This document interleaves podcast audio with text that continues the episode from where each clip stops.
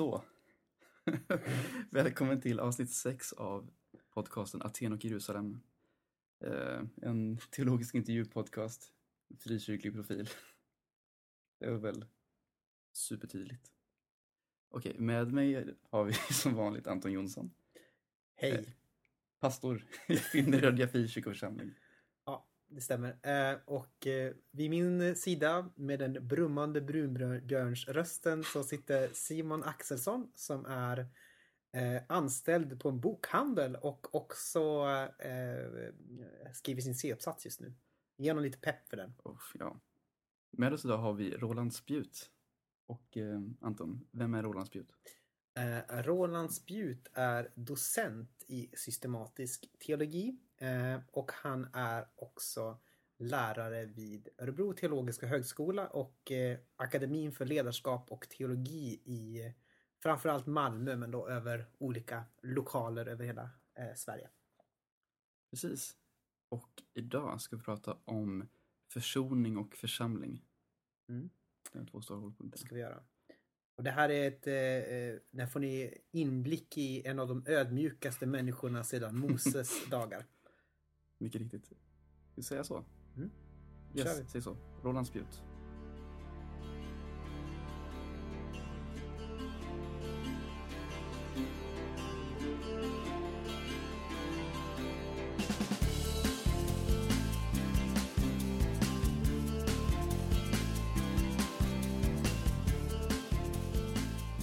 Då säger vi hej och välkommen till Roland Spjut. Vad roligt att du är här. Mm, tack för det. Mm, mycket trevligt. Du är ju skåning, eller hur? Jag bor i Skåne nu. ja. Men för att bli skåning då, ja just då måste är man smål... bo länge i Skåne. Just det, du är smålänning. Jag är född i Småland, i Växjötrakten. Okej. Men bor nu utanför Malmö-Lund på landet. Just det, Lenhovda var det. Lenhovda är jag född i. Just det. Hur länge ska man bo i Skåne för att bli en skåning då? Nej, jag tror två generationer i alla fall. Okej, ja. Ja. Det var i alla fall vad vår granne en gång i Ale hävdade när hon var sur på oss. då var vi inte skåningar, nej. Nej. Just det. Nej, Det, det är svårt. Svårt att komma in i den gemenskapen kanske. Jag vet inte. Det var ett tydligt kriterium i alla fall. Ja, Mm. det var ganska, ganska bra. Jag tror att det är samma sak i, i kan- Alltså att det är, man ska helst vara, vara andra generationens för att vara riktigt Finnerödja. Jo, nej men så, så är det nog på egentligen de flesta platserna kanske. Ja, jo, kanske. I Stockholm, jag vet inte. Ja. Jo, där har de också sådana elitistiska Mm. sammanhang också tror jag. Jag kommer inte ifrån. Men eh, jag har förstått att du lever ett sorts, eh, ett sorts eh, drömliv på den skånska landsbygden. I en jättestor, jättestor skola tillsammans med fru och goda vänner. Hur har du lyckats kamma till dig en sån drömlott i livet? Ja, det, jo, det ligger ju mycket i det. Jag bor ju i en gammal skola som ligger ute på skånska landsbygden och när folk i Sverige hör om skånska landsbygden då tänker de ju den här platta men, men det är ju mycket mer det här kuperade landskapet och växlingar mellan, mellan åker och eh, eh, bokskogar och annat. Det, det ligger väldigt härligt till och samtidigt väldigt nära Malmö-Lund. Mm. Men vi är två, två par som har köpt detta tillsammans. Och, Eh, men fick leta ett bra tag innan vi hittade detta ställe. Mm. Och, nej, jag vet inte. Det är bara vara glad att man fick den möjligheten. Ja. Ja, ja det förstår jag. Det, det, det, det, jag har sett en bild på huset. Det var, det var fint. ja. Jo, jo, men det är fantastiskt. Jag jobbar ju, vi sitter i Örebro och jag jobbar ju här på Örebro teologiska högskolan så jag åker och reser ju ganska mycket i jobbet så då är det fantastiskt skönt också att få komma in. Hej. Har ni börjat? Ja. ja. Kan jag bara fråga? Ja. Det var den 10 november. Ja, nej men det är säkert okej. ja. Ursäkta. Det är okej, det är okej. Förlåt, förlåt, förlåt. Det var Fredrik Vinell från, från avsnitt... eh, Känd från avsnitt fem. ja, precis. Eh, ja, precis. Precis, du vet Livfull väl. podcast där. Ja. Mm. Okej. Men jag funderar på, eh, jag har hört en historia en gång att du en gång blev Hollands bästa bibelförs- bibelförsäljare en, en gång.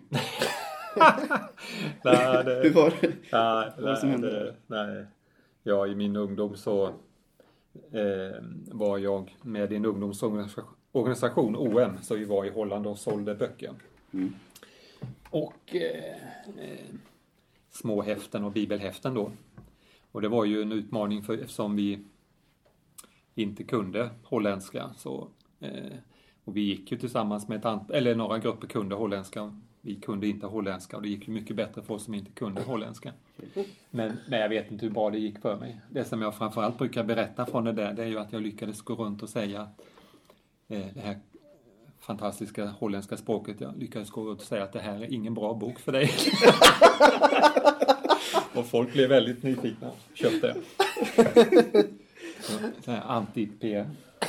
det var nästan genialiskt eh, PR, Ja, PR-knep. jo, jag har inte utvecklat det sen. Detta, Visste de att det var det du sa under tiden? nej, nej, utan eh, jag insåg nog det själv efter ett tag att det blev fel. Är en renskjort Ja, jag, kommer inte ihåg. Men. Eh, Eh, du har ju ändå funderat en del och, eh, skrivit eh, lite grann om, om försoning och hur Jesu, hur Jesu kors och uppståndelse på något sätt försonar människan med Gud. Så jag tänkte att vi skulle fundera lite om det. Så. Och nu kommer jag med ett påstående här. Jesus Kristus dog för att tillfredsställa Guds rättmätiga vrede på synden. Jesus fick alltså ta straffet för den skuld som människan dragit över sig och som förtjänar Guds vrede. Om jag säger att det här är liksom det som Bibeln lär och, eh, och eh, det, är så här kyrkan alltid har tänkt, vad säger du då? Det är ju, det skulle man kunna vrida och vända på i många synvinklar. Men, men eh, jag tänker en väldigt eh, grundläggande sak i alla fall om man ska, tycker jag, göra rättvisa åt en, en klassisk, mer klassisk kristen förståelse av detta. Det är ju, när, när man beskriver det som du gör så kan det låta för många människor att problemet med synden är att Gud inte längre tycker om oss. Mm. För det är Gud, nästan Gud, Guds relation till oss som är problemet. Och jag tänker det, det när man pratar om det på det sättet då, då vänder man ju upp och ner på allting. Alltså det är inte Gud som är problemet. Är inte- Frågan i försoningen är inte hur ska Gud kunna bli en kärleksfull Gud? Gud är kärlek och rättfärdighet. Bekymret med synden är ju vi människor.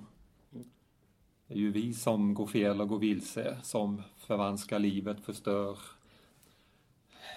naturen och varandra på olika sätt. Det är det som är problemet som, för, som Gud i försoningen måste ta tag i. Så det jag tänker det, är- det är väldigt grundläggande där att, att bara man, så att man inte eh, Nej, men ibland, ibland finns ju många sådana här missuppfattningar också om kristen tro att man måste göra detta och detta för att Gud ska på något sätt tycka om mig eller vi måste, klassiskt så här va, i många religioner, att man måste ge Gud någonting. Mm. För att Gud ska, ska bli kärleksfull och tycka om oss. Och, och försoning handlar inte om att vi ger någonting till Gud utan att Gud gör någonting för att förändra vår situation. Jag tänker det är liksom det här grundläggande i, om man ska förstå kristen tal om försoningen. Om jag nu talar så bestämt som kristen. Ja. Mm. Det är ju en dimension av det du säger. Det, det, eh, men jag tänker det är fundamentalt. Va? Att det, vi har ett problem som människor. Gud agerar in i vår värld för eh, att förändra vår situation. Eh, däremot finns det ju någon rätt, verkligen rättmätighet att tala om Guds vrede. Eh, också, det är ungefär alla bilder är ju väldigt halta när man ska tala om Gud, men det är ungefär som om, om, om jag som pappa, mina barn skulle missbrukarna heroin. Så skulle jag naturligtvis bli fruktansvärt arg över heroinet och de som säljer och tjänar pengar på detta och förstöra människors liv. Och varför gör du detta min son? Så här. Eller dotter då. Va? Eh, alltså det finns någon vrede eh, mot det som är destruktivt och förstör livet och att, att det liksom, om Gud är kärlek så måste man också göra den här gudomliga vreden mot, mot det som är ont och destruktivt, ta den på allvar. Jag tänker det, det är också en, en, en viktig del. Men, men däremot, precis som jag inte skulle sluta älska mitt barn, så tänker jag inte det som är problemet, att Gud inte kan älska oss, utan, Mm. utan det är vi som missbrukar, så här, som Gud skulle behöva göra någonting åt det. Mm. Ehm, hur skulle du säga, hur hänger Jesu undervisning i bergspredikan ihop med döden på korset? Det, eh, alltså det, detta är ju också en jättestor spännande fråga. Och som, som ju handlar väldigt mycket om eh, när vi talar om frälsning, att Gud vill frälsa oss, Gud vill rädda oss som människor vad tänker vi att det innebär? Och eh, det, det har det ju funnits, tycker jag, en tendens i, i eh, våra traditioner då, att man, vi- har talat för begränsat om frälsningen. Eh, inom inom eh, bibelforskning så här så har, har vi ju ganska länge så här också fokuserat att Jesu frälsningsförkunnelse handlar ju väldigt mycket om Gudsriket. Mm. Det handlar om min undervisning om hur Guds rike ska upprättas i världen och bergspredikan är ju liksom kondenseringen nästan på vad innebär Guds rike? Vad är det för liv som Gud innebär? Och jag tror det är väldigt viktigt att koppla ihop frälsningen med, med den här förståelsen av Guds rike. Vad är frälsningen? Jo, att Gud vill upprätta sitt rike. Så, så eh, det som händer i Jesu liv, död och uppståndelse är ju avgörande då för att detta gudsriket ska nå till oss och upprättas i, i den här världen. Och där finns det ju ett bekymmer då i, i viss teologi, va, där man tänker att frälsning det är bara, det handlar på, exempelvis, det handlar bara om att jag ska bli förlåten. Jag har gjort felaktigt och Gud ska förlåta mig. Då, då blir ju kopplingen till bergspredikan ganska otydlig. Va? Men har man med en, alltså en hel, mer helhetsförståelse på frälsning, man tänker att frälsning är att Guds rike ska upprättas i, i den här världen då och att Jesu liv, död och uppståndelse är avgörande för det. Då hänger det ju väldigt naturligt ihop. Eh, och jag, och jag tror också när man, när man som kristen talar om frälsning tror jag det är väldigt eh, också grundläggande här att man inte eh, bara talar om vi har en skuld som ska förlåtas utan också att vi, vi lever i ett rike som inte är det rike som Gud har tänkt. Gud inbjuder oss till någonting mer, något större. Och att det är detta som frälsningen handlar om. Så för mig har det där varit väldigt viktigt också när jag tänker vad är kristen tro? Att den här bilden som Jesus ger utav Guds riket, att det, det är liksom skönheten och attraktionen i det riket. Det har varit väldigt viktigt för mig själv också. Och eh, på vilket sätt säger korset om hur vi ska leva? Korset är ju det här eh, Alltså det här eh, både på något sätt nästan dåraktiga i den kristna tron, paradoxala, men också som är det, det, det oerhört tjusiga och centrala i kristen tro. Alltså man, när man tänker på allt elände och ondska som finns i vår värld så är ju vårt sätt att reagera på det som människor är ju oftast vi tänker så här att ons, ondskan måste straffas, måste utplåna den, så här. gör slut på den. Eh, och korset är ju, är ju säger ju till oss att Gud besegrar den här världens synd och ondska på någonting annat sätt än genom att förinta den. Han, han, han och det är ju man skulle behöva lång tid på att försöka förklara men, men, men ändå i den här kristna traditionen att Gud blir istället vårt offer. Han, han, så här, han går in i vårt ställe, tar, tar våra så här, vrede, ondska, synd på, i sitt liv. Eh, och liksom bär det in i döden, gör slut på det och, och erbjuder oss en, en ny möjlighet som mänsklighet. Så eh, nej, men korset handlar ju verkligen om det här chockerande på något sätt. Va? Att, att Gud, eh, Gud väljer en helt annan väg för att eh, besegra ondskan och, och eh, öppna upp den här nya möjligheten för oss som människor. Paulus kan ju tala om det här att man ska inte besegra det onda med onda utan det goda.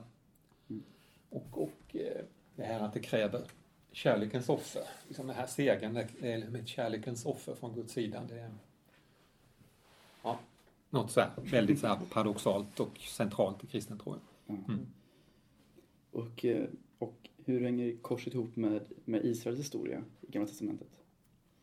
Det, för mig själv har ju också det här varit en viktig insikt att när, när jag, och jag har ju alltid haft den, höll på att säga, svagheten eller styrkan att jag grubblat över min tro, vad betyder den? Och, och då börjar alltså den här klassiska frågan som på något sätt alla tänkande människor mer eller, förr eller senare ställer till sig. Men varför skulle Jesus behöva dö på ett kors för 2000 år sedan? Hur förändrar det min situation idag? Hur kan man förstå det? Och då blir det ju väldigt lätt när man börjar ställa den typen av fråga att man försöker hitta någon liksom teoretisk förklaring. Och det där är ju viktigt på ett plan. Men, det, men jag har själv upptäckt att den där typen av frågor ofta ledde mig fel. För, för går man till bibeltexten så är det ju inte massa teorier som kommer om försoningen. Utan bibeltexten är ju framförallt den här långa berättelsen om att Gud arbetar och verkar i historien för att eh, eh, ge alla människor frälsning. Så, så ska man förstå Jesu liv så måste man alltså då förstå det utifrån den här långa berättelsen. Att Gud har skapat världen, människan har gått vilse, Gud har kallat Israel för att eh, kalla mänskligheten tillbaka till, till Guds gemenskap. Och Israels krokiga vägar, positivt och misslyckande, som kulminerar i Jesus Kristus utifrån Jesus Kristus så gör Gud någonting som nu erbjuder den här frälsningsmöjlighet till jordens yttersta gränser till alla folk och språk som vi har. Så, så jag tror, ska man förstå Jesus så måste man primärt tänka, brukar jag säga så här, då måste man framförallt tänka det som en frälsningshistorisk händelse. Gud gör någonting i Jesu liv den här långa historien så griper Gud in på ett specifikt sätt i Jesus Kristus som ger de här konsekvenserna för mänskligheten. Så jag vet inte om, jag, om det är begripligt, men, men för mig är det fundamentalt att sätta in det i den här långa berättelsen. Ja. Så att det inte blir, man inte tänker att det bara är liksom någon punkt som bryter in uppifrån ner. Mm. Utan det är en del i den här långa historien. Ja. Det finns väl det här begreppet eh, rekapitulation. Mm. Va? Mm. Eh, på att Jesus på något sätt återupprepar Israels historia. Eller, mm. och, precis, och det är ju också återupprepa, på ett sätt kan man ju säga att det är ju också Adams mm. liv man återupprepar. Alltså Adam som var skapad med alla möjligheter och väljer fel, olydig. Så tar Jesus över det och, och istället för att vara olydig så är han lydig. Och, och det där säger ju rekapitulation, eller återställelsen då, man talar om, detta är ju en term som man hämtar från kyrkofadern Irenaeus då, på 100-talet. Men, men, eh, och det som är så framförallt betonas i den, det är ju att skapelse och frälsning hör ihop. Eh, att det, det Gud gör Jesus är inte att rädda oss bort ifrån det skapade, utan istället att återupprätta skapelsen till det liv som Gud hade tänkt för oss. Ehm, och det finns ju också massa vanföreställningar naturligtvis, här, frälsningen som här, flykt bort ifrån världen. Och Irenaeus formulerade ju den här teologin precis mot det man kallar för gnosticismen, alltså de lärorna som tänkte frälsning väldigt mycket som en befrielse från det materiella. Och mot det så säger han, nej frälsning är inte från det materiella utan det är återställelse utav den värld som Gud egentligen hade tänkt för oss som människor. Mm. Och den på något sätt påbörjas i, i Jesus? Ja, och precis så kan man ju på ett plan läsa tillbaka det hela frälsningshistorien då. Men, men visst, eh, jag, ibland talar jag om, om frälsen i Kristus som någon form av hemkomst. Alltså att komma tillbaka hem till det plats och det liv som jag var tänkt för. Mänsklighet som har gått vilse och kommer tillbaka hem. Eh, eh, ja. Eh, något som jag har tänkt på ofta när jag, när jag växte upp på något sätt. Då, då var det ofta att man skilde på något sätt mellan korset och uppståndelsen och eh, egentligen resten av Bibeln delvis och också eh, från eh, liksom Jesu liv.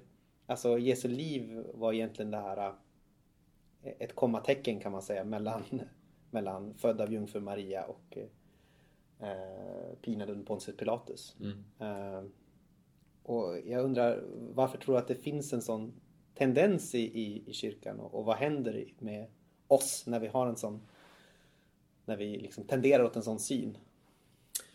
Ja, det, nu kanske man också ska vara lite försiktig med för mycket schablon, alltså för enkla schabloner också. Alltså det ligger mycket i vad du säger. Ehm, eh, att Jesu liv kanske har det spelat för liten roll och i vilka traditioner har det gjort det. Jag menar, I min egen frikyrkliga baptistiska tradition det fanns ju samtidigt också en väldig Jesusfromhet från söndagsskolans berättelse som hela tiden berättade om Jesus för oss. Mm. Så, så det, det kanske är, kan vara mer dubbelt men, men, men i- många pratar ju om det, att vi har haft en tendens att mer lägga betoningen på Paulus och Paulus undervisning om Jesu korsuppståndelse än evangeliet berättelsen om Jesus. Eh, eh, och och jag, jag, menar, jag tänker att evangelierna är evangelierna är Bibelns centrum. Och det, det behöver verkligen vara centralt i vår egen förståelse utav den kristna tron också. De här fyra böckernas berättelse om Jesu liv, födelse, liv, död och uppståndelse. Ehm. Alltså, det har, men ett skäl tror jag har att göra med din eh, fråga innan Simon om berg, relationen bergspredikan och korset. Va? Att vi har ibland haft för, talat om frälsningen i för begränsade termer. Så att man inte riktigt ser hur hela Jesu liv eh, är en del i den frälsning som Jesus, eh, eller som Gud inbjuder oss till. Och jag, jag menar, jag har ju ibland också pratat om detta mycket som också ett misslyckande att inkludera lärjungaskap i, i, eh, i frälsningsläran. Alltså det här om att, att eh, vi tänker att bli frälst är en sak och sen när man blir frälst så kan man fundera, ska jag också bli lärjunge till Jesus? Och för mig är det de här evangelien, berättelsen om att Jesus kallar människor till lärjungaskap är ju för mig grundläggande bilder på vad är det att vara kristen? Jo, det är ju att jag följer Kristus, ja. jag blir lärjunge till Jesus. Eh, och då tycker en del att nej, men då, då blir en del lite nervösa för att tycka, då låter det ju som att det blir en mänsklig gärning att följa Jesus, det är någonting jag gör. Men, men, för mig är det ju liksom någon yttersta nådes, Kristi nådes handling att han inbjuder oss. Vi fritt erbjudande, du får följa med mig. Inte för att du förtjänar, inte för att du är duktig, utan jag inbjuder dig att vara min lärjunge. Alltså det, en sån där, för mig är någon väldigt stark nådes eh, bild på nåden. Vad är nåden för någonting? Inte bara att, jag brukar ta det här med när Jesus kallar tullindrivaren Matteus i Kafarnaum. Alltså, han går inte bara förbi Matteus och säger att jag är så nådefull så att jag förlåter dig, utan nåden är, betyder att han säger till Matteus, jag vill att du ska följa med mig. Ja. Fantastiska inbjudan att få, få vandra livet tillsammans med Kristus. Det, det är så, för mig som fundamental del, vad, vad innebär det att vara kristen? Och det gör ju också att lärjungaskapet, det gör ju också att det kopplar ihop med då att det inte bara min privata gudserfarenhet utan jag kopplar ju också ihop med alla de andra lärjungarna. Jag är insatt i ett större sammanhang utav Kristus efterföljare också. Jag vet inte om vi har varit inne på det redan men eh, fundera på det, Guds vrede. Hur, hur kan man förstå det i relation till Jesu försoningsstöd? Alltså hur eh, på något sätt agerar Gud mot, mot synden?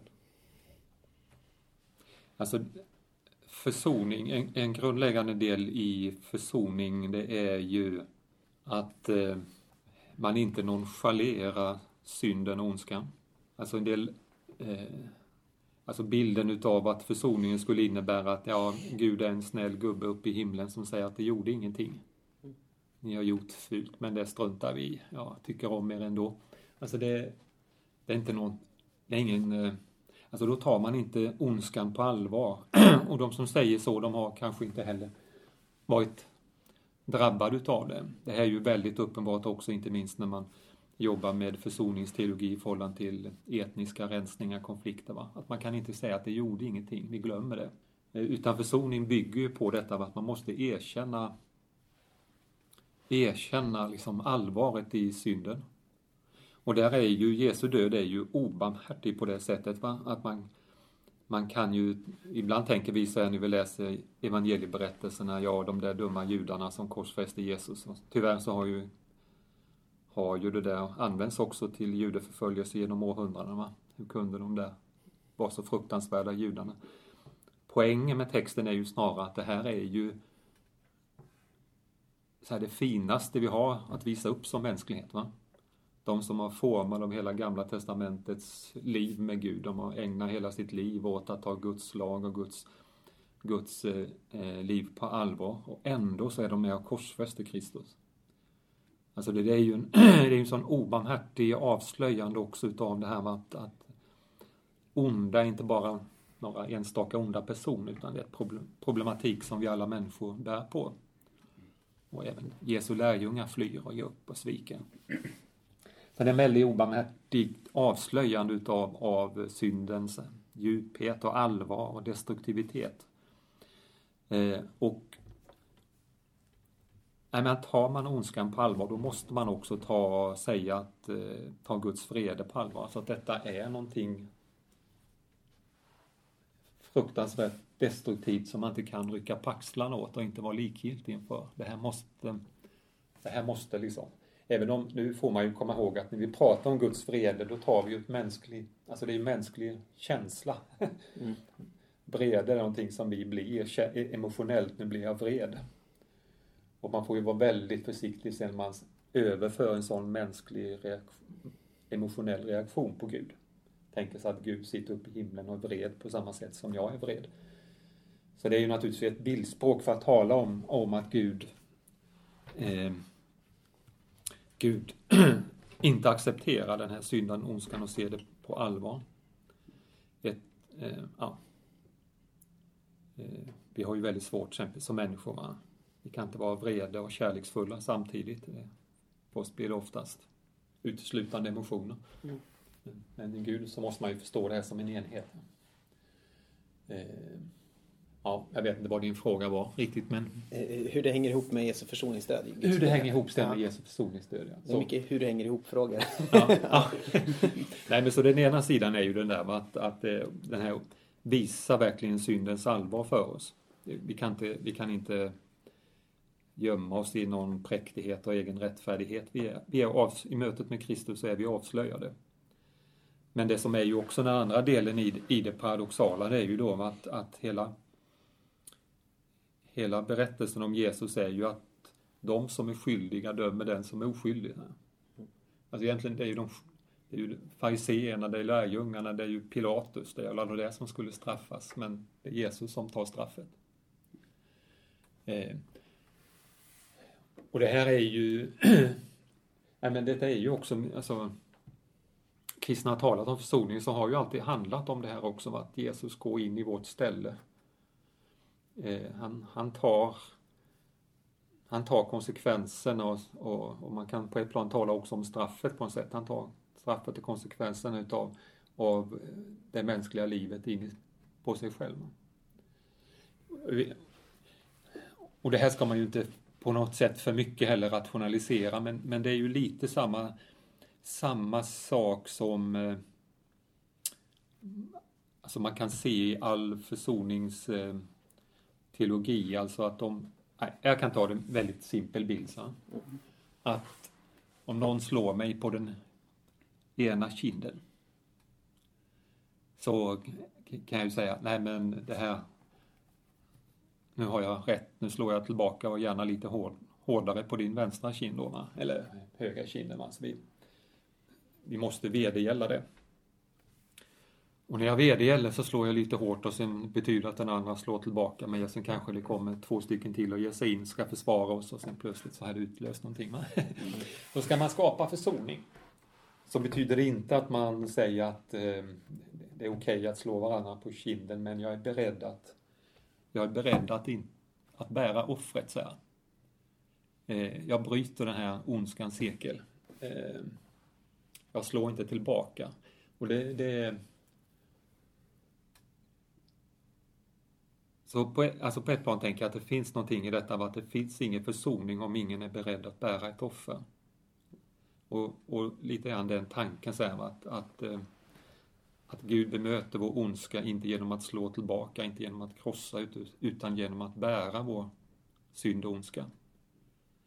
Eh, och i Kristi fall, om man kopplar detta till också den här kristna läran då om att Jesus inte bara är en vacker människa utan det är Gud själv närvarande hos oss så betyder det ju att Gud kan, alltså Gud på ett sätt som relaterar till alla människor i alla tider, eh, är beredd att bära vår skuld, vår, vår, vår ondska, vårt misslyckande i vårt ställe. Ja. Mm. Okej, okay, men... Eh, det kanske vi redan varit inne på i och för sig. Ja. ja. Jag undrar det med. Ja, vi hade en, en, annan fråga som liksom om hur. Hur påverkar liksom egentligen de olika försoningslärarna, hur påverkar de egentligen eh, hur vi lever praktiken i församlingar? Det kanske vi var inne på, jag vet inte. Mm. Nej men det ligger ju, alltså har man Nej men det, alltså det här relationen, det, det, finns, alltså det jag tror det är väldigt tydligt också. Hur man talar om frälsningen mm. får ju också konsekvenser för vad, vad man inbjuder människor till för liv och en väldigt begränsad frälsningsförståelse leder att man inbjuder människor till ett väldigt begränsat församlingsliv. Mm. Om man ska hårdra det. Mm. Och det är ju, jag menar, det, väldigt, det absolut starkaste sättet att formulera detta teologiskt är ju här Dietrich Bonhoeffer under Nazitysklands tid som talar om det som billig nåd. Kan uttrycka så här, varje nation har blivit kristet men till priset av efterföljelsen. Alltså, man kan anpassa sig till, till Nazityskland. Eh, och jag tror det där, det är, jag, jag, tycker det är en risk för oss att vi ur, urvattnar frälsningen för mycket. Den blir den här billiga, billiga nåden. Eh, som eh, inte så mycket då betydelsen att det är så kravlöst. Det är ju, men, men också att eh, det stora problemet är ju att det blir in, alltså för lite innehåll. Det erbjuder oss för lite också. Då. Mm. Det ger oss inte hela, liksom, allt det Gud vill ge oss. Han nöjer sig med bara en liten del. Mm. Så då kanske man kan fylla på med andra ideologier, till exempel mm. nazism? Mm. Då, Jo, men det blir, alltså det här att om, om man säger att frälsningen det handlar bara om min privata, enskilda, inre attityd till Kristus. Mm. Så kan man då säga att nu är jag frälst, men men det har inte med den andra delen i mitt liv att göra. Mm. Där kan jag eh, ja, läge, om man nu hårdrar det, där kan jag vara lägervakt i Auschwitz. Mm. Eh, och då tänker jag, då har man inte fattat vad är det för rike, vad är det för rike Kristus inbjuder oss till. Ja, eh, nu kommer jag med en sån här, eh, med en sån här eh, polemisk fråga som du får moderera lite grann. eh, för jag funderar också på det här med, med församlingen som, som fostrande gemenskap. Och jag tänkte lite grann på eh, i Matteus 18 så finns ju en beskrivning om, om hur man ska lösa konflikter i församling. Alltså först ska man ta upp det med enrum eller enskilt med den som har syndat mot dig. Och sen så om inte det fungerar så tar man med sig två eller tre till. Och sen så är det väl att man lämnar fram det till de äldste tror jag. Eh, ja, eller sen, hela församlingen. Sen hela mm. församlingen, mm. ja. Precis. Och om den, inte, om den då vägrar försonas den här personen så, så är den inte längre med i gemenskapen helt enkelt. Men jag har undrat om, om ett sånt här om ett eh, juridiskt språk som vi ofta har i, i, i eh, våran del av kristenheten kanske. Alltså att Jesus eh, tog straffet och det är lite grann som en sorts eh, juridisk lösning som Gud gör för att mm. kunna frikänna människan. Mm. Eh, om det på något sätt har påverkat hur man har läst den här texten, alltså Matteus 18. Eh, alltså så att man har läst det här som att det handlar om att fälla juridiska domar över människor. Så, alltså att de ska få ett proportionerligt straff. Om du har Eh, till exempel min farmor, eh, ja, jag vet inte om hon tycker att jag talar om det, men hon begick ju en, en, en sorts synder när hon var ung. Och då fick hon liksom ett proportionerligt straff för det. Du, hon blev utesluten så här lång tid ur, ur församlingen. Mm. Eh, eh, och då jag undrar om det kan ha, om det kan ha påverkat eh, varandra. Istället för att man ser det som en väg till försoning så har det blivit en mer juridisk sak. Aha.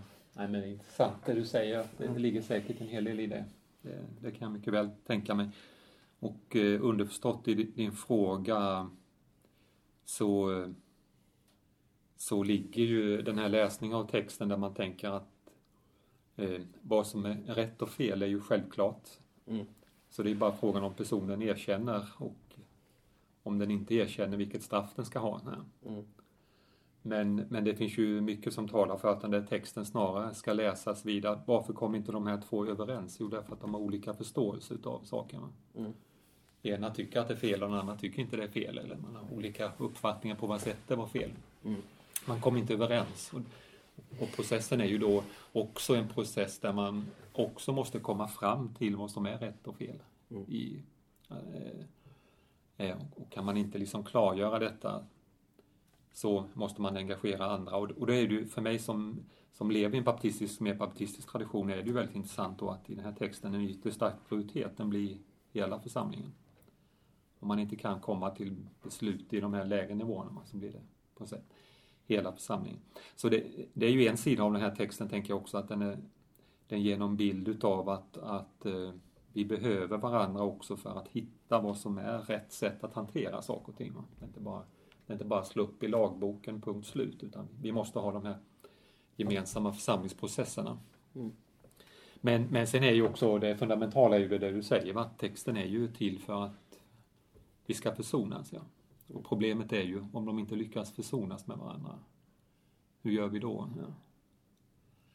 Eh, och synd är ju, i, väldigt mycket kan man ju definiera synd som det som förstör det mänskliga livet och den mänskliga gemenskapen. Alltså problemet med synd är ju inte bara att Gud inte tycker om oss om vi gör fel, utan, utan säga, varför tycker inte Gud om oss när vi syndar? Jo, det är för att när vi syndar så gör vi det som förstör livet för oss själva och för andra, förstör det gemensamma livet. Så försoning handlar ju väldigt mycket också om det här med att det ska återställas, det ska helas. Eh, och då finns ju den här grundläggande kristna övertygelsen att det är inte straff, straffet hela inte livet. Alltså straffet är ju mer ett bekräftelse på att du har gjort någonting och här får du ditt straff för det. Men det är ju inte det som upprättar hela livet utan det finns en annan så här möjlig, försoningen är en annan möjlighet att hela livet än, att, än genom att straffa varandra. Så där tänker jag, det, där tror jag du har rätt att det, där kan det säkert spela in hur vi, hur vi tänker så här, vilka termer vi använder för att tala om frälsning, hur vi förstår en sån där text. Va? Hur tycker du att man ska läsa den på ett ansvarsfullt eh, sätt? Eh, den texten som vi pratar om, Matteus 18. Nej men, jag menar här dels att syftet är Syftet är försoning är ju och försoning i betydelsen det där eh, att återupprätta någonting som har skadats, gått sönder. Mm.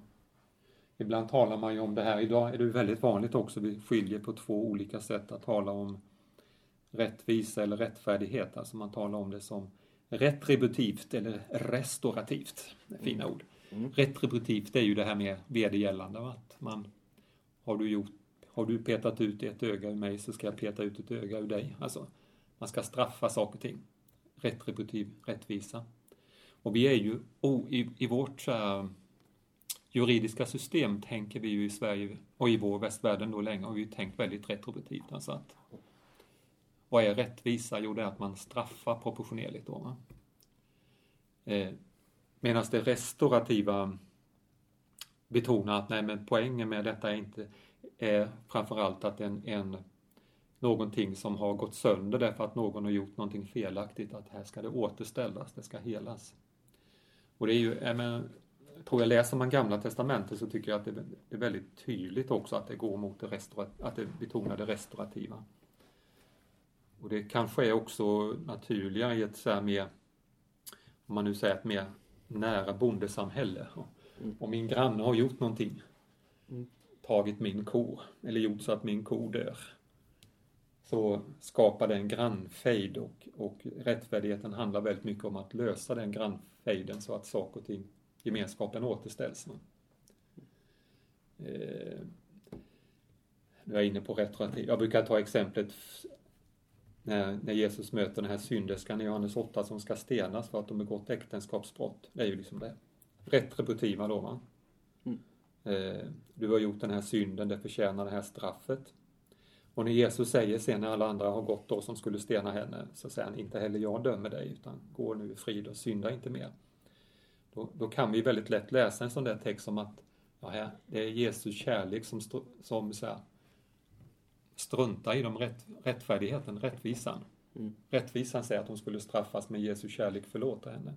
Men tänker man då rättvisa som det här restaurativa så är det ju Mm. inte så. Utan då är det ju Jesus kärlek som gör att rättfärdigheten segrar. Det är ju genom Jesus kärlek som hennes liv och den här situationen kan helas och återupprättas. Mm. Så jag tänker, ska man läsa, läsa Matteus 18 så är det där fundamentalt då. Va? Hur ska man agera i en församling för att försoning och återupprättelse ska ske? Nu har det hänt, ska man dra ett så här drastiskt exempel. Otrohet mellan ett eller två, som har hänt mellan två par i församlingen. Och då kan man inte säga att synd är bara liksom en privatfråga. Det på, alltså hur vi agerar, det påverkar en gemenskap. Mm. Och hur ska vi då hantera detta för att saker och ting ska ställas till rätta? Och då är inte försoningsprocess är aldrig detta då man säger att det gjorde ingenting. Mm. Det, det var okej. Mm. Utan hur man måste liksom erkänna det och erkänner man det inte då kan man säga att även om församlingen erbjuder försoning, erbjuder förlåtelse, erbjuder upprättelse, men säger man nej till det, då säger den här texten, nej men då måste du också, då måste vi också, nej men då ställer du dig utanför. Så här. Mm. Då är du inte en del utav detta om du inte tar emot så här, förlåtelsens, försoningens gåva. Mm. Men, men jag tänker du, du, jag tycker du är helt rätt där, liksom, att man måste läsa den utifrån det här försoningsperspektivet. Ja. Ja, vi vi har varit inne på det här med att församlingen eh, ibland tenderar att bli som en så här, fritidspunkt bland andra Mm. och inte någonting som rör hela livet. Ehm, hur tror du att det har blivit så och hur kan man göra en rörelse till, till en större helhet? Ja, men, ja, det är ju en sak som jag jag brukar ägna ganska mycket tid åt också, att förklara det. Alltså en, en, en viktig del i den här förklaringen är ju rent en sociologisk förklaring på hur samhället har förändrats. Och en av de stora förändring, samhällsförändringarna som har skett eh, i så här, skiftet från, vi har gått från ett bondesamhälle via industrisamhälle till något efterindustriellt kommunikationssamhälle. Ett, ett utav de stora skiftena är ju det här att det här välintegrerade by, livet i byn har slagits sönder och sektoriseras. Alltså livet sektoriseras. Vi far och flänger mellan, mellan olika punkter och händelser i livet. Va? Och tänker man då, jämför det med, med så här bondesamhällets by där kyrkan ligger i mitten, där alla känner varandra och man möter samma sak. Samma, mina grannar möter jag i kyrkan. Liksom, dansbanan, om det skulle finnas en sån som ligger lite utanför, så är det samma personer jag möter där. Liksom livet är väldigt välintegrerat. Så, så lever vi idag ett oerhört så här sektoriserat med eh, samhälle där, där mina församlingsmedlemmar, jag, jag möter dem kanske bara då när jag går till kyrkan en eller två gånger i veckan. Eh, ungefär precis, alltså då, då blir det sätt lite samma plan då va, som om jag istället skulle vara med i en schackklubb. Ja, då skulle jag möta mina schackkompisar en eller två gånger i veckan. Alltså det, det, det finns väldigt starka sociologiska krafter som placerar så här församlingslivet i, i någon liten sektor, en begränsad privat sektor. Eh, Sen kan man utifrån det alltså sen fundera på varför har vi inte haft teologiska resurser som har varit bättre på att stå emot den sociologiska utvecklingen? Alltså jag tror det finns skäl att säga att det finns svagheter i min egen frikyrkotradition som gjort att vi haft för lite resurser för att stå emot den. Eh, och, och ett skäl, ni, hade ju, ni samtalade ju med Fredrik Vinell i den här podden också va? Ja. Han håller ju på med ett avhandlingsprojekt där han, en av hans teser är ju att han driver det här att det, en av problemen är att man haft alldeles för begränsad förståelse av omvändelsen. Att det var mer den här privata emotionella upplevelsen utav av, av Gud. Eh, och en sån privat förståelse av tron kopplar väldigt väl till en, en mer så här bild utav församlingen som fritidsaktivitet. Så, så det finns anledning också, tror jag, inte bara säga samhällsutvecklingen utan också att utöva någon form av självkritik också kring vår egen teologi. Precis. Och nu när, okej, nu när livet har blivit så här sektoriserat då. ehm, har församlingen något att säga till om i våra liv när det kommer till, jag vet inte, konsumtion, samliv, alla sådana saker? Eller, eller handlar det i slutändan bara om vad vi själva tycker? Mm. Ja, detta är ju... Det... Ett, ett ehm, um, bekymmer... Alltså det är klart, så, och sitter man i församlingsledning så kämpar man ju väldigt ofta med också de här frågorna om att vi, vi upplever att nej men det här är människors privatsaker, det ska man inte lägga sig i. Men det är klart, då har vi ju den här liksom eh, jobbiga historien också där man tänker vad, vad betyder det att man säga, lägger sig i och då tänker man mer det här juridiska. Va? De ska döma mig, de ska bedöma, bedöma mig utifrån sina lagstiftningar. Så ska man överhuvudtaget erövra, återövra det här så måste man ju se att det handlar om det här. Va? Hur, hur kan vi positivt hjälpa varandra att leva det liv som vi egentligen längtar efter? Alltså man säger att frälsning handlar på något sätt om ett Gudsrikets liv som egentligen kopplat tillbaka till det jag är skapad att leva för. Så gör man ju ett anspråk att frälsningen det, det är en inbjudan till det liv som är det jag är skapad för, det som jag egentligen längtar efter. Och väldigt mycket av det som händer i typ sektoriseringen det är ju att mitt liv slits, slits sönder så att jag inte kan leva det liv som jag egentligen längtar efter. Och därför blir ju de här frågorna då ingången i dem tänker jag handlar väldigt mycket om hur ska vi kunna hjälpa varandra till att, att eh, ta steg mot det som är vår längtan, det som Gud lockar oss in i. Vad ska vi hjälpa varandra att vara vaksamma mot? Vad ska vi uppmuntra varandra positivt till? Eh, och jag tror ska vi ska vi verkligen vara en, en gemenskap som stödjer varandras eh, liv och utveckling så måste vi bry oss om varandra. Annars, annars det, går inte bara att tänka att man gör det här privat. Nej, typ en sån här jättes, fundamental utmaning för oss det är ju att vi aldrig hinner med det vi egentligen skulle vilja göra. Och då tänker jag en av gemenskapens uppgifter det är ju att vi inte behöver vänta till vi ligger på dödsbädden och säger vad synd att jag aldrig hann göra det jag skulle gjort. Utan att vi kan mitt i livet påminna varandra om vad är det egentligen du vill? Kan du göra någonting åt detta? Kan vi hjälpa dig? Alltså det engagemanget i varandras liv tänker jag är väldigt... Ja, jag drömmer mycket om att vi också skulle kunna återuppleva det tydligare i, i församlingsgemenskapen. Och inte som det här då processen där man går in som domare över varandras liv utan Mm. mer de här medvandrarna som stödjer varandra.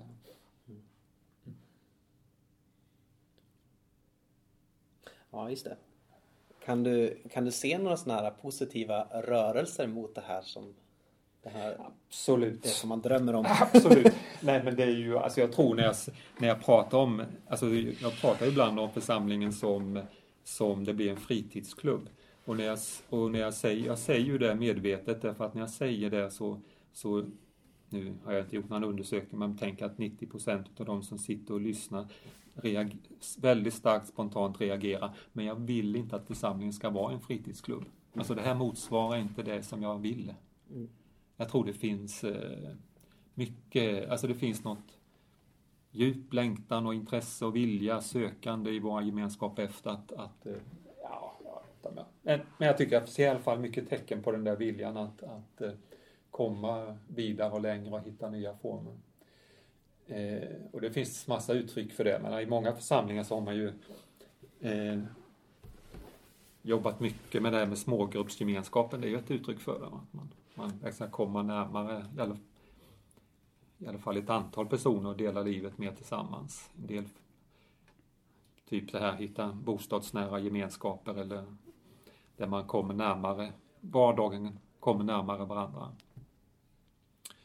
Eh, Jag tycker också det är spännande att fundera på en sån här annan sektor som arbetslivet. Finns det, och det man kan säga second hand-verksamheten är ju sånt exempel på vad där.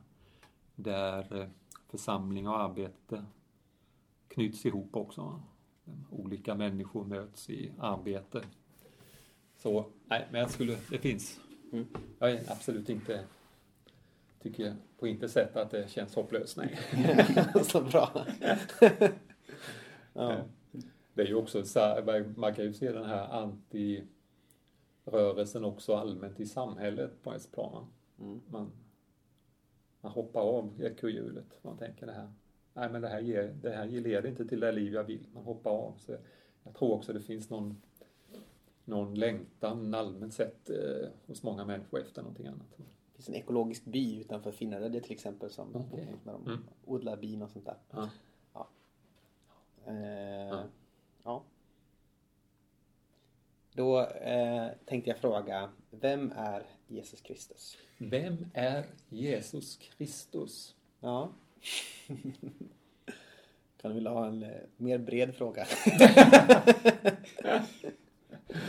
Ja, läs evangelierna. Nej, men, men eh, vad, vad ska jag svara på det? Vem är Jesus? Jesus Kristus är ju svaret på varför är jag kristen? Varför är jag kristen? Ytterst sett så är det ju på grund av Jesus Kristus. Därför att i, i Jesus Kristus så har jag både haft den här bergsri- bergspredikans vision utav vad är det för rike som Gud tänker för mänskligheten. Här ser jag, att man tycker, jag kan säga, där ser jag det liv jag längtar efter. Men jag ser också en osannolik vacker bild utav Gud. Mm. Är, det, är det i Jesus Kristus jag ser vem Gud är? Så, så, ja men det finns något fantastiskt vackert. Jesus uttrycker det ju så här i Markus 10 detta, va? att ni vet hur, hurdana härskarna och de mäktiga i den här världen beter sig. Eh, men så är det inte bland er, för jag, Människoson, har kommit till er som, som alla tjänare.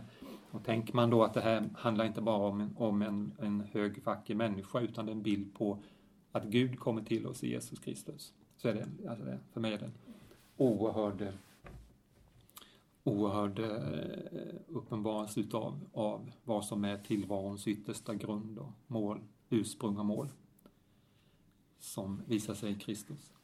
Men Kristus är ju också för mig, det är ju den jag följer som tar tag i mig, kallar på mig och tar med mig på den här resan mot, mot eh, in i frälsningen, mot, mot Guds rikets fullbordan.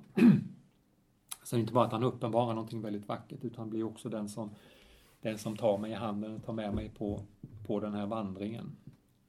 Eh, så kristen tro handlar om Jesus Kristus. Vem är det? är liksom det, är det det handlar om. Så det skulle man kunna prata länge om, men i alla fall något svar. Mm. Yes. Och nu sista frågan. Har du några förslag på någon att bjuda in till den här podcasten framöver? Vem ska ni bjuda in till den här Ja. podcasten? Oj, oj, oj, oj, oj. Ja. Vem ska ni bjuda in? Och jag antar att det går bra att säga ingen alls också. Lägg ner. Ni kan ju åka... Stanley Howard skulle jag gärna höra. Nej. Ja, det skulle jag... Grymt. Han är, på, han är på vår lista också. Önskelista kanske måste vi understryka. Ja. Nej, men det vore ju spännande att möta lite också efterföljare till Jesus runt om i landet här, ja. Men Mm. nej, nu står det still. Eh, Om vi tar Stanley Hauas eller lägger ner då. Nej, det tycker jag inte ni ska göra. Fortsätt. Det är ju väldigt trevligt det här med att samtala. Det är ju liksom inbjuda till samtal. Fortsätt med det. Ja. Om vi slutar så kan, kommer jag på. Mm. Ja, det Det, gör vi. så. det slutar vi. Ja, så. Ja, men tack så jättemycket då. Ja, du tack med. Nöjet att få prata med er. Mycket fint. Mm. Yes, stäng av här.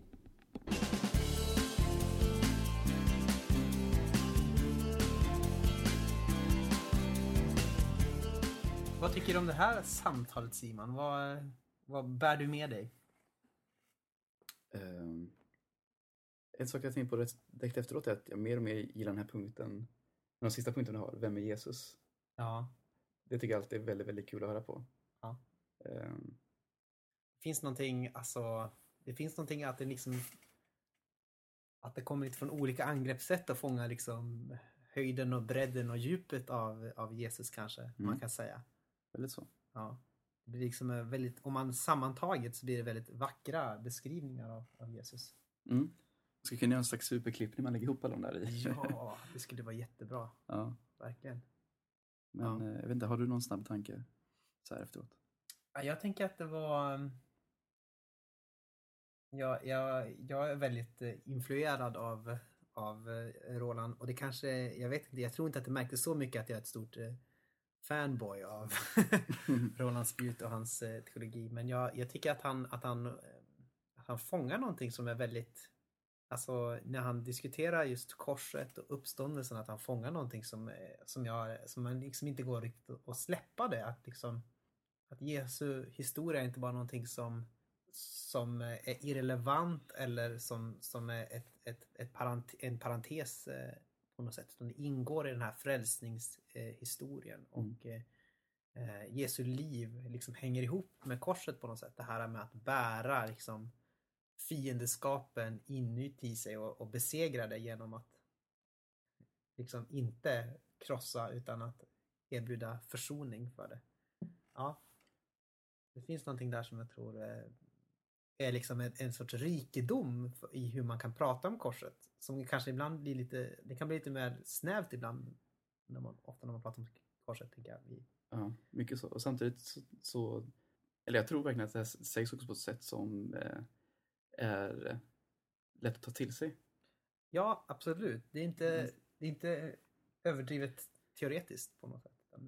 Nej, det, känns, det, här, det här angår oss. Och det är också liksom korset är någonting som, som fortfarande talar väldigt starkt tror jag.